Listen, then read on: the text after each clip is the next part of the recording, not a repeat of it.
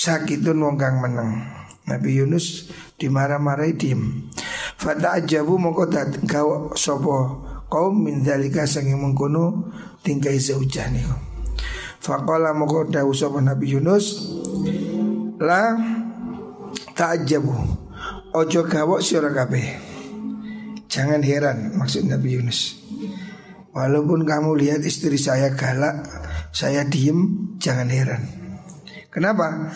Fa ini sudah ingsun iku soal tunjun ingsun Allah ing Allah taala wa qultu ngucap ingsun ma anta muaqibun li bihi fil akhirah. Ma utai pakaro anta utai panjenan iku muaqibun.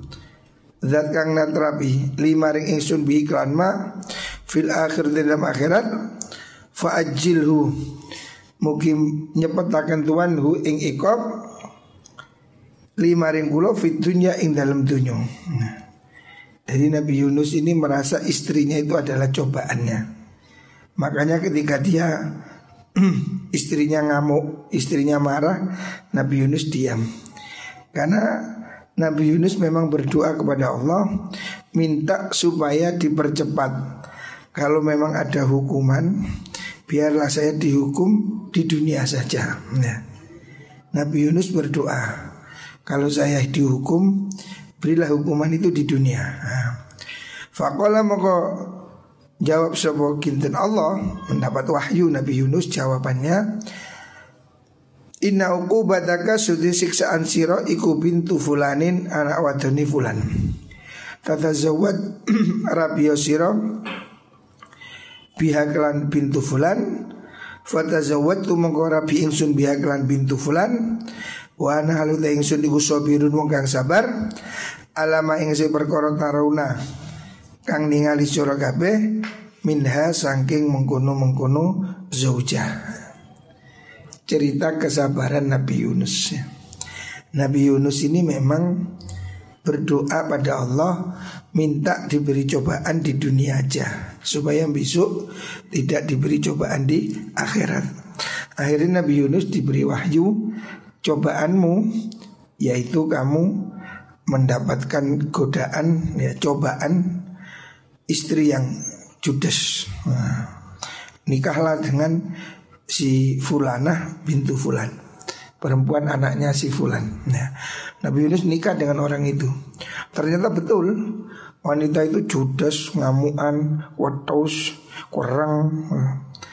Makanya Nabi Yunus sabar karena apa? Memang permintaannya minta diberi cobaan di dunia. Nah itu cobaannya dia. Makanya Nabi Yunus diomel-omel istrinya ya diem aja. Sampai orang-orang heran kok punya ini kurang ajar gitu punya ini. Celutak saat ini. Punya ini kok cerewet. Nabi Yunus bilang biar diem. Jangan heran ya. Memang ini permintaan saya. Saya minta pada Allah diberi cobaan di dunia saja. Nah inilah cobaan saya ya berupa istri cerewet itu. Nah, sabar menghadapi istri cerewet itu termasuk cobaan yang berat nih. Pahalanya besar. Jadi orang ini kalau diberi cobaan istrinya kok judes cerewet ini biasanya ya imbalannya besar. Tantangannya juga besar ya. Laki-laki rata-rata ndak tap, ndak sabar. Istri kerang ini jelek ya bosen nih. Tapi ya harus sabar.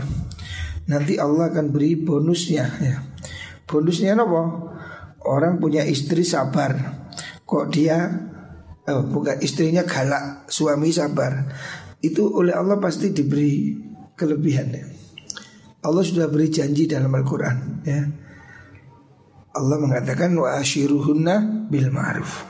Fa in karihtumuhunna fa asa an takrahu syai'an wa yaj'alallahu fihi khairan katsira. Kalau kamu mendapatkan pasangan hidupmu ini kurang cocok apa saja ya. Maka tetap kamu harus muasyarah bil ma'ruf. Bertahanlah ya. Fa'asa an takrahu syai'an Mungkin engkau tidak suka sesuatu ya Istrimu judes ketus ngamuan ngentutan membawanes pokoknya sih nggak kena kena itu kamu mau sabar Allah akan mengganti ya. Wa yaj'alallahu fihi khairan katsira. Garansi dari Gusti Allah akan diberi kebaikan. Mungkin ya karena suami sabar Allah berikan rezekinya lancar, dagangannya laris, pangkatnya cepat naik ya. Bisa jadi ya. Jadi Allah itu memang menganjurkan suami istri supaya bertahan. Begitu juga istri. Hendaknya jangan mudah putus asa. Kalau mendapatkan pasangannya kok ngamuan medit pisan nah, gak gelem nyambut kai atau apalah yang dia tidak suka. Kalau dia bisa bersabar mungkin Allah akan beri ganti. Anaknya pinter nah, apanya yang jadi baik pasti Allah itu memberi imbalan nah, suami istri yang mau bersabar Allah memberi garansi fihi khairan katsira. Allah pasti akan memberi yang banyak ya, khairan katsira. Nabi Yunus menghadapi istrinya cerewet, beliau sabar. Nabi Yunus tidak protes walaupun istrinya galak, walaupun istrinya ketus ya, marah-marah, Nabi Yunus diam. Memang apa? Nabi Yunus sudah meminta kepada Allah Berilah saya cobaan di dunia Lah cobaan ya berupa istri yang kering ini ya, Ini cobaan Istri kering ini akan membuat orang Punya kelebihan ya. Dulu ada cerita Wali di Yaman namanya Allah Abdullah Baljaban itu Istrinya kuala Kering Tapi suaminya sabar. Allah beri dia karomah ya. Sampai orang lain kalau tawasul Tawasul pada dia. Ya Allah dengan berkahnya Itu wali sing Wedinang bujun ini Wedinang bujun ini Gak ada jadi wali barang. Mungkin kiai-kiai yang keramat ini Istrinya galak-galak. Biasanya itu imbalannya. Kiainya keramat Istrinya galak Kiainya keramat. Nah itu imbalannya. Makanya kalau kamu besok kok dapat istri galak Ya di rumah saja. Bicara aku lah mati-mati dewi ya. Saya ya mati. Artinya Kamu harus sabar. Istri galak itu rezeki nih. Mu itu pesugihan. Nah jadi Jangan khawatir. Justru kalau orang itu istrinya lembut Itu ya biasa-biasa Karena tantangannya biasa. Istri galak tantangannya berat. Nah, Sabar pahalanya besar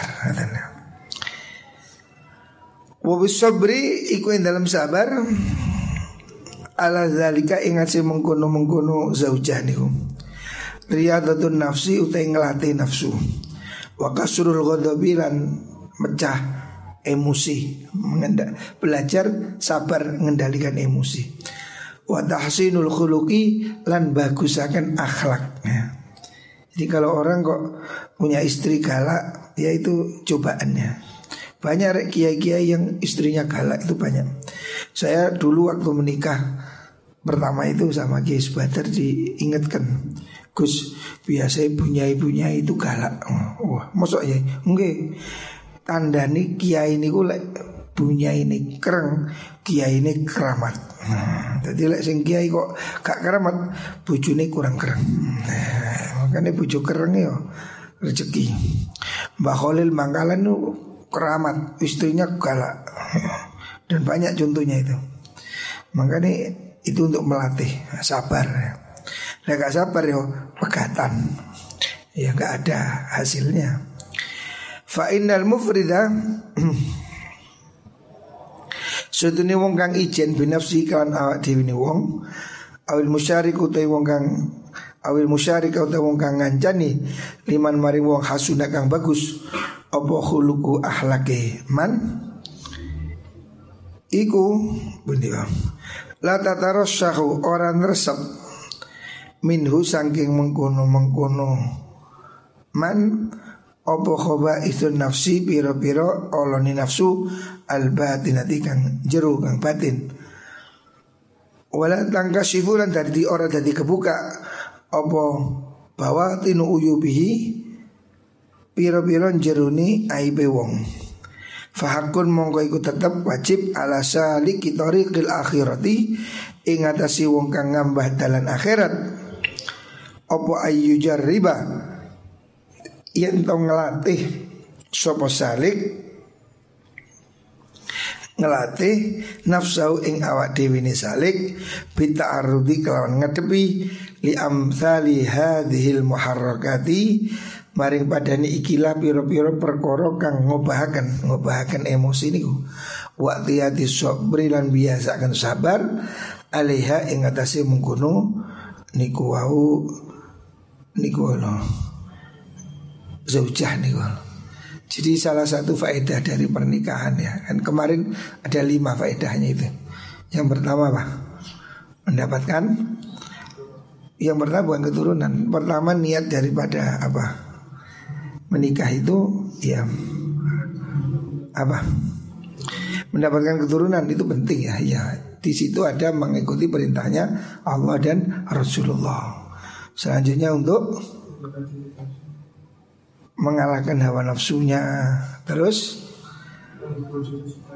menenangkan diri ya. Istri itu kan untuk menghibur kesusahan kesulitan hidup.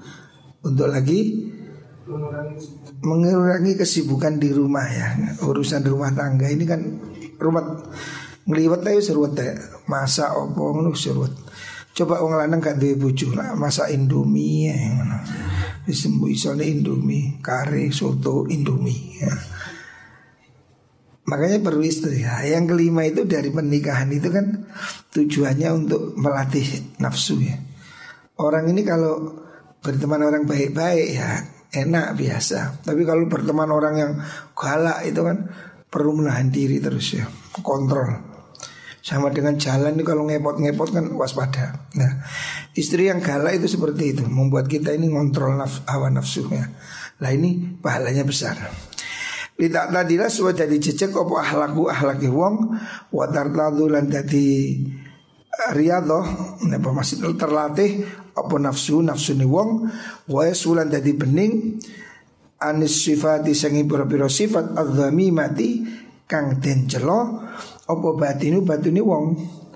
Kalau orang ini membiasakan diri menghadapi istri ya yang cerewet, yang galak, yang judes itu dia bisa menahan diri, maka jiwanya akan semakin tinggi, semakin bening ya. Kan orang kan perlu latihan. Dengan dilatih kualitas itu akan semakin tinggi. Nah, salah satu latihan jiwa, latihan sabar, latihan menyucikan hawa nafsu itu ya menghadapi istri yang galak ya. Tidak semua orang bisa ya. Tidak semua orang bisa ngatasinya. Tapi orang-orang yang hebat pasti bisa. Sayyidina Umar itu, itu istrinya galak. Sampai ada cerita sahabat punya istri galak. Nah, jadi kalau cerita istri galak ini mulai zaman dulu jahiliyah sudah ada apalagi sekarang. Ada sahabat ketemu mau sowan Sayyidina Umar mengadukan istrinya yang galak. Ketika dia sampai ke rumah Sayyidina Umar, ternyata Sayyidina Umar disalami tiga kali tidak keluar-keluar. Barang diinceng, zaman dulu kan rumah masih sederhana diintip. Ternyata di dalam rumah Sayyidina Umar duduk manis Istrinya mencak-mencak nuting-nuting. Sayyidina Umar padahal orang hebat Setan aja takut. Tapi Sayyidina Umar punya ini punya ini ngomong-ngomong Sayyidina Umar diem kudu nah, memang sedang latihan dia. Latihan menahan emosi ini. Sehingga akhirnya sahabat yang mau wadul ini burung. Malu dia balik kanan. Akhirnya oleh Sayyidina Umar ditututi dipanggil. Kamu kenapa tadi kok mau sawan gak jadi? Anu Sayyidina Umar saya gak jadi. Kenapa? Ya saya ini ke sini mau lapor. Lapor apa? Istri saya ini loh galak nah, Terus Ternyata saya lihat punya panjenengan ya tidak kalah galak ternyata Podo mawon ternyata nasib kita ini Sama-sama Sayyidina Umar kata iya begitulah perempuan kata Siti Ahmad. Saya rela walaupun istri saya galak. Karena apa? Istri ini sudah berjasa besar ya.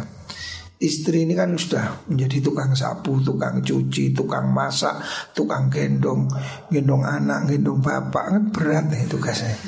Jadi kalau ngomeng-ngomeng sedikit itu biasa ini. Ya. Sebab istri sudah banyak membantu kita untuk tidak melakukan hal-hal yang jelek ya.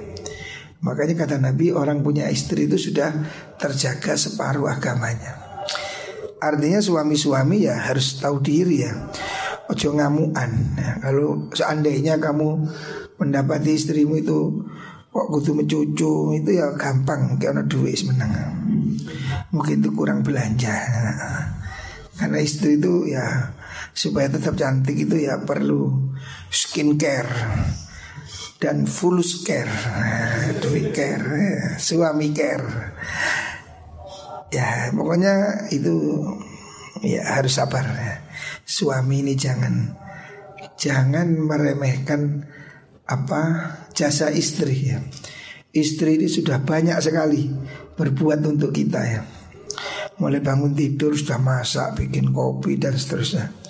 Makanya ya dimaklumi kita yang sebagai suami harus belajar menahan dirinya. Ojo ngaplokan, wedok kaplok, plak plok.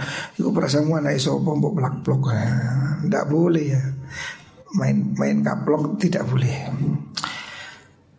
Wa sobru te sabar alal iyali si keluarga Ma anau serta mengkuno sabar iku riyadotun riyadhah latihan wa mujahadatun perjuangan iku takfulu nanggung apa mengkono mengkono iku takafulun nanggung. Lahum maring mengkono iyal wa qiyamun lan jumenengi bihim kelan iyal wa ibadatun lan ibadah fi nafsiha in dalam kahanane mengkono riyadhah jadi sabar menjadi kepala rumah tangga ya. Sebagai suami beri nafkah cari ekonomi, mengatur pendidikan. Itu satu sisi itu kewajiban tapi satu sisi itu pahala ya. Kamu bekerja untuk menyukupi anakmu supaya sekolah, istrimu supaya tidak ke mana-mana itu juga jihad visabilillah ya. Berjuang untuk mempertahankan keluarga itu ibadahnya. Fahidhu tegila riyadhah aidan halimane iku minal fawaidi sangi piro-piro minal fawaidi sangi piro-piro faidah faidah pernikahan walakin nau tabine mengkuno asobru niku iku layan tafi orang ngalak manfaat. Iya kelan mengkuno mengkuno riyadhah sapa illa ahadu rajulaini angin salah suci ini wong lanang luru. Yang bisa memahami hakikat dari faidah pernikahan melatih jiwa ini ada dua orang.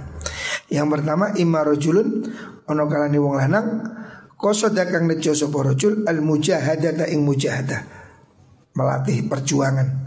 Wariyadhatan dan riyadhah latihan mengendalikan diri wa tahdzibal akhlaqi lan bersihkan akhlak likauni karena anani rajul iku fi bidayati tariqi ing dalam kawitan dalan.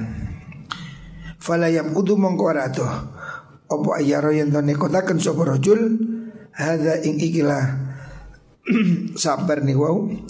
Torikon ing dalan fil mujahadatin dalam mujahadah Wadarta dulan amrih latihan Riyadhah Bihi kelan mengkuno sabar Opo nafsuhu nafsunya rojul Orang yang bisa menjalankan ini Yaitu orang yang memang Menyadari bahwa Melatih nafsu itu bagian dari perjuangan mujahadah riyadhah. Maka dia menerima cobaan andai punya istri galak, kereng, sadis, ngamuan itu dipelihara aja dengan latihan untuk menguatkan imunitas kesabarannya. Semakin ini kan semakin kuat, semakin kuat ya. Kayak orang itu latihan kan semakin keras, semakin keras kan semakin kuat. Nah, orang yang punya istri galak, kereng, judes itu semakin emosinya semakin terkontrol, kuat sekali ya. Itu salah satu cara untuk melatih hawa nafsu. Wa imma rajulun ana kalane wong lanang minal abidina sing pira-pira ahli ibadah. Laisa wa laisa kong ora ono iku lahu kutu rajul apa sairun lumaku bil batini kelawan batin wa harakatun lan oba bil fikri kelan fikiran wal qalbi lan ati Wa inna ma amalu angin pasti utai amali rajul Iku amalul jawarihi amali biro-biro angguto Bisolatin kelan sholah Au hajjin to haji Au ghairi daliani mengkuno haji. Fa amalu mengkutai amali rajul minal abidin Li ahli maring keluargani rajul wa auladi. Lan biro-biro anak rajul Bikas bil halali Kelawan golek harta halal, rezeki halal, lahum maring mengkono mengkono ahli wal aulad. Wal qiyamulan jumenengi bitarbiyatihim kelawan didik ahli wal aulad iku afdalu le utama. Lahu kedua rajul minal ibadati timbang sangi piro-piro ibadah allazimati kang tetap kang wajib libadani kedua ibadani rajul. Alladzi la ta'adda kang orang berentek tidak mengalir apa khairuha kebagusane ibadah ila ghairihi maring liyane mengkuno rajul. Yang kedua tipe orang yang bisa sabar menghadapi guncangan rumah tangga ini memang orang yang niatnya itu ibadah.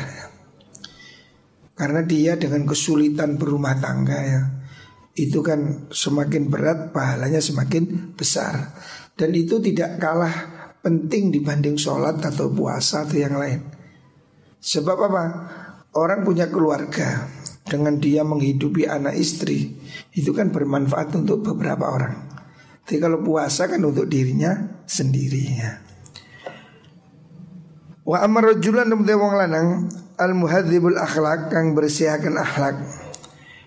Imma bikifayatin ono kalane kelan kecukupan fi asil hilqati dalam asal kedatian Adapun orang yang berjiwa tinggi, berjiwa luhur, memang aslinya begitu. Au bi mujahadatin untuk lawan mujahadah latihan sabiqatin kang ustise. Idza kana nalikan oni kula kuti rajul opo rumahku? Perjalanan. Fil batinin dalam batin ya amalan dan laku wa harakatunan gerakan. Bi qalbi kang ngobahaken ati. Fil ulumi in dalam biro-biro ilmu wal mukasyafati lan ilmu mukasyafah ilmu hakikat. Jadi begini, orang ini perlu latihan seperti ini ya. Menanggung anak istri, sabar menghadapi anak istri itu bermanfaat untuk dua kelompok. Saya itu kelompok orang yang memang dia mujahadah dengan cara itu, melatih nafsu dengan cara menundukkan diri untuk memelihara apa keluarga, menjaga keutuhannya. Yang kedua ada orang yang memang di situlah dia berjuang. Dengan bekerja dia berniat beribadah. Itu dapat pahala dan dua-duanya ini bagus. Tetapi ada juga tipe orang yang mungkin tidak perlu itu, yaitu orang-orang yang sudah mencapai tingkatan ilmu mukasyafah, para aulia, ya, orang-orang yang arifin, mereka yang sudah dekat sibuk dengan ritualnya kepada Allah maka dia tidak perlu kesibukan seperti itu. Nah, kalau kita-kita ini wong yo wiritan gak sergap sembayang yo pas-pasan ibadah apa yo ibadah ngingonnya anak bojo iki. Gak ngono ya tambah nganggur ya wawan nih. Ya. Wis gak nyambut gawe, kan duwe tambah pelunga-pelungu. Hmm. Tapi kalau orang wali-wali tingkatan tertentu yang memang dia sibuk ibadah, tidak perlu anak istri, tidak ada masalah. Fala yang bagi mengkora sayujo Opo ayat azwaja yang torabi Sopo mengkuno rajul Lihadal ghorati karena ikilah sejo Artinya ada orang yang memang tidak perlu menikah Karena dia tidak butuh semua ini ya. Orang yang pada tingkatan Hidupnya sibuk untuk ibadah ya dan memang dia sudah tidak ada keinginan pada perempuan, pada istri, yaitu tidak harus menikah. Tapi bagi kita-kita tingkatan laki-laki normal ya, yang masih perlu sentuhan istri, perlu hiburan istri, perlu bantuan istri, perlu melatih jiwa dengan ngopeni anak istri, kita perlu menikah. Tapi pada tingkatan orang-orang tertentu yang memang hidupnya sudah sibuk untuk Allah, melayani Gusti Allah, mungkin tidak perlu ya. Artinya ada celah untuk tidak perlu menikah. Fainar riyadhah sunni riyadhah wa ya rajul iku makfiyun dan cukupi fiha dalam riyadhah. Karena mereka itu sudah riyadhah dengan cara lain. Wa amal ibadah napun ibadah fil amali ing dalam nyambut gawe bil kasbi kalawan penggawean mencari ekonomi lahum ketui mengkuno ahlul ulum fal ilmu te al ilmu iku afdalu le utama min dalika sanging mengkuno kasbu. Kalau tingkatan seperti kita manusia biasa ini memang perlu bekerja ya untuk nyekupi kehidupan kita dan keluarga kita. Dan ini menjadi tuntutan kita ya ibadah kita di situ adapun mereka-mereka kekasih Allah para wali yang memang sudah tidak butuh kerja, tidak butuh istri, ya sudah mereka memang fokus untuk ilmu, tidak apa-apa, itu afdol. Dia nau karena sudah menggunakan ilmu aidan halimane iku amalun yo nyabut kawi ya. Yang penting manusia ini nggak jangan nganggur gitu loh. Kalau mereka yang ahlinya ilmu ya sudah mengarang kitab ya, mendalami ilmu itu bagi dia ya profesinya sudah. Sementara kita kita ini yang profesinya ya ya turah turu ini ki, maka ya perlu punya istri supaya apa? Kita ada tantangan untuk bekerja, melatih diri untuk hidup mandiri dan seterusnya. Wa faidah tu faidah mengkuno ilmu iku aksarul akeh min zalika sing mengkuno kasbu bagi kalangan tertentu fokus pada ilmu itu lebih baik daripada fokus kerja. Karena apa? Mereka sudah tidak butuh kerjaan, mereka sudah tidak butuh perempuan. Tapi bagi orang yang masih perlu keluarga, perlu anak, perlu istri, yunya butuh gawe, Wa amulan ulu umum, wa asmalulan luwih sumambrah lebih bermanfaat lisa iril kholki maring sekali ini makhluk min faidatil kasbi tinggal saking faidai nyambut kawi alal iyali ing asih piro-piro keluarga. Fahadi ikilah mengkono fawaid al madhkura lima faedah yang sudah disebut tadi ya. Ada lima faedah pernikahan ya. Itu fawaidun nikah piro-piro faedah nikah fitinin dalam agama. Allati biaklan mengkono fawaid yuhkamu dan gawe ngukumi lahu maring nikah bil fadilati kelan keutamaan. Artinya menurut Imam Ghazali kan di awal Imam Ghazali sudah beri gambaran ya. Nikah pernikahan ini sunnah ya dan afdol ya. Tetapi ada perbedaan pendapat di kalangan sebagian ulama. Lebih bagus mana orang itu menikah dan bekerja dan seperti manusia umumnya ataukah lebih utama orang yang ibadah wiritan, zikir, tirakat, riyadhah tidak menikah. Ini bagus mana?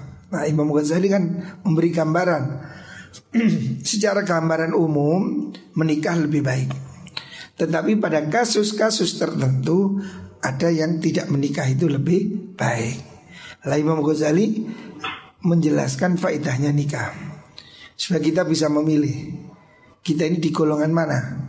Setelah bab faedah nikah ini halaman selanjutnya akan diterangkan bahayanya, afatnya nikah itu apa saja.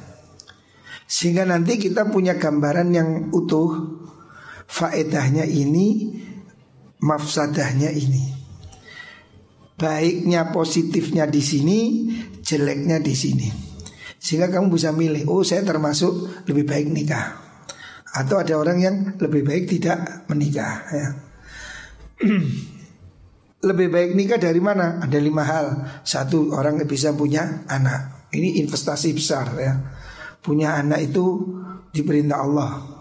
Allah memerintahkan Faktu harthakum annasyitum. Suruh nanam Nanam maksudnya ya Sawah sak kedok iku Nandurono Dibacul-bacul. Akhirin tuh ya anak. Nah jadi orang punya anak ini harmoni dengan kehendak Allah, meramaikan bumi. Rasulullah ingin umatnya banyak. Buat anak soleh yang mendoakan. Termasuk punya anak yang nanti seandainya mati masih belum balik dia akan penyelamat di akhirat. Ini faedahnya. Faedah yang kedua melawan hawa nafsu, godaan setan. Manusia ini secara naluri senang lawan jenis. Kalau tidak menikah pasti tersiksa secara umum. Ada juga yang enggak, sing impoten, sing wis tuwek. Nah, makanya ada kecuali-kecuali kan. Faedahnya juga untuk hiburan. Kita orang ini sendiri ini kan tidak enak.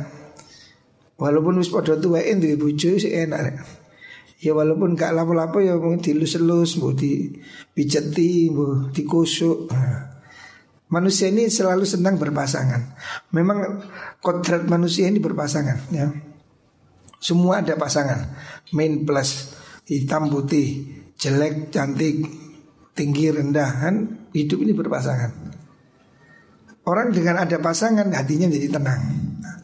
Tapi bagi orang yang sudah fokus pada Allah mungkin tidak perlu pasangan. Nah ini ada pengecualian. Yang keempat itu untuk mengurangi kesibukan. Karena urusan rumah tangga ini ruwet mulai masak, nyuci, nyetrika, nyapu. Tidak ada istri, kita hampir tidak bisa berbuat.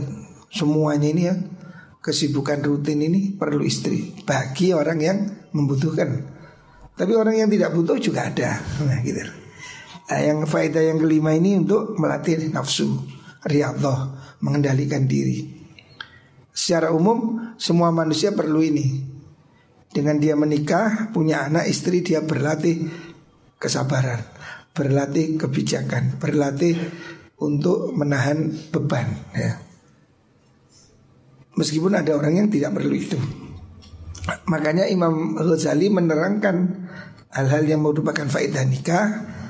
Setelah ini akan diterangkan afat bahaya-bahaya nikah supaya orang ini milih. Bagi orang yang umum lebih baik menikah. Tapi bagi orang yang khusus mungkin ada yang sudah tidak perlu menikah ya. Orang udah tua, umur 90 tahun, wis impoten, wis karep wetok, lau berapi. Ya mungkin dia lebih baik. Uh, jadi ada kasus-kasus yang orang itu lebih baik tidak menikah. Tapi secara umum nikah itu sunnah ya. Dan nikah itu jadi salah satu kunci kebahagiaan. Hidup ini akan bahagia yang pertama kata Nabi apabila orang itu punya istri solihah. Ya. Nah, makanya masalahnya adalah kayak kamu-kamu ini bagaimana cari istri yang solihah. Ya. ya itu ada nanti ada resepnya istri itu kriterianya apa cari yang bagaimana mulai sing pincang apa sing sikile telu ngono no ada kriterianya ya yang lebih bagus Rasulullah memberi ajaran. Muka-muka semua santri ini jadi pasangan solehin dan solehah.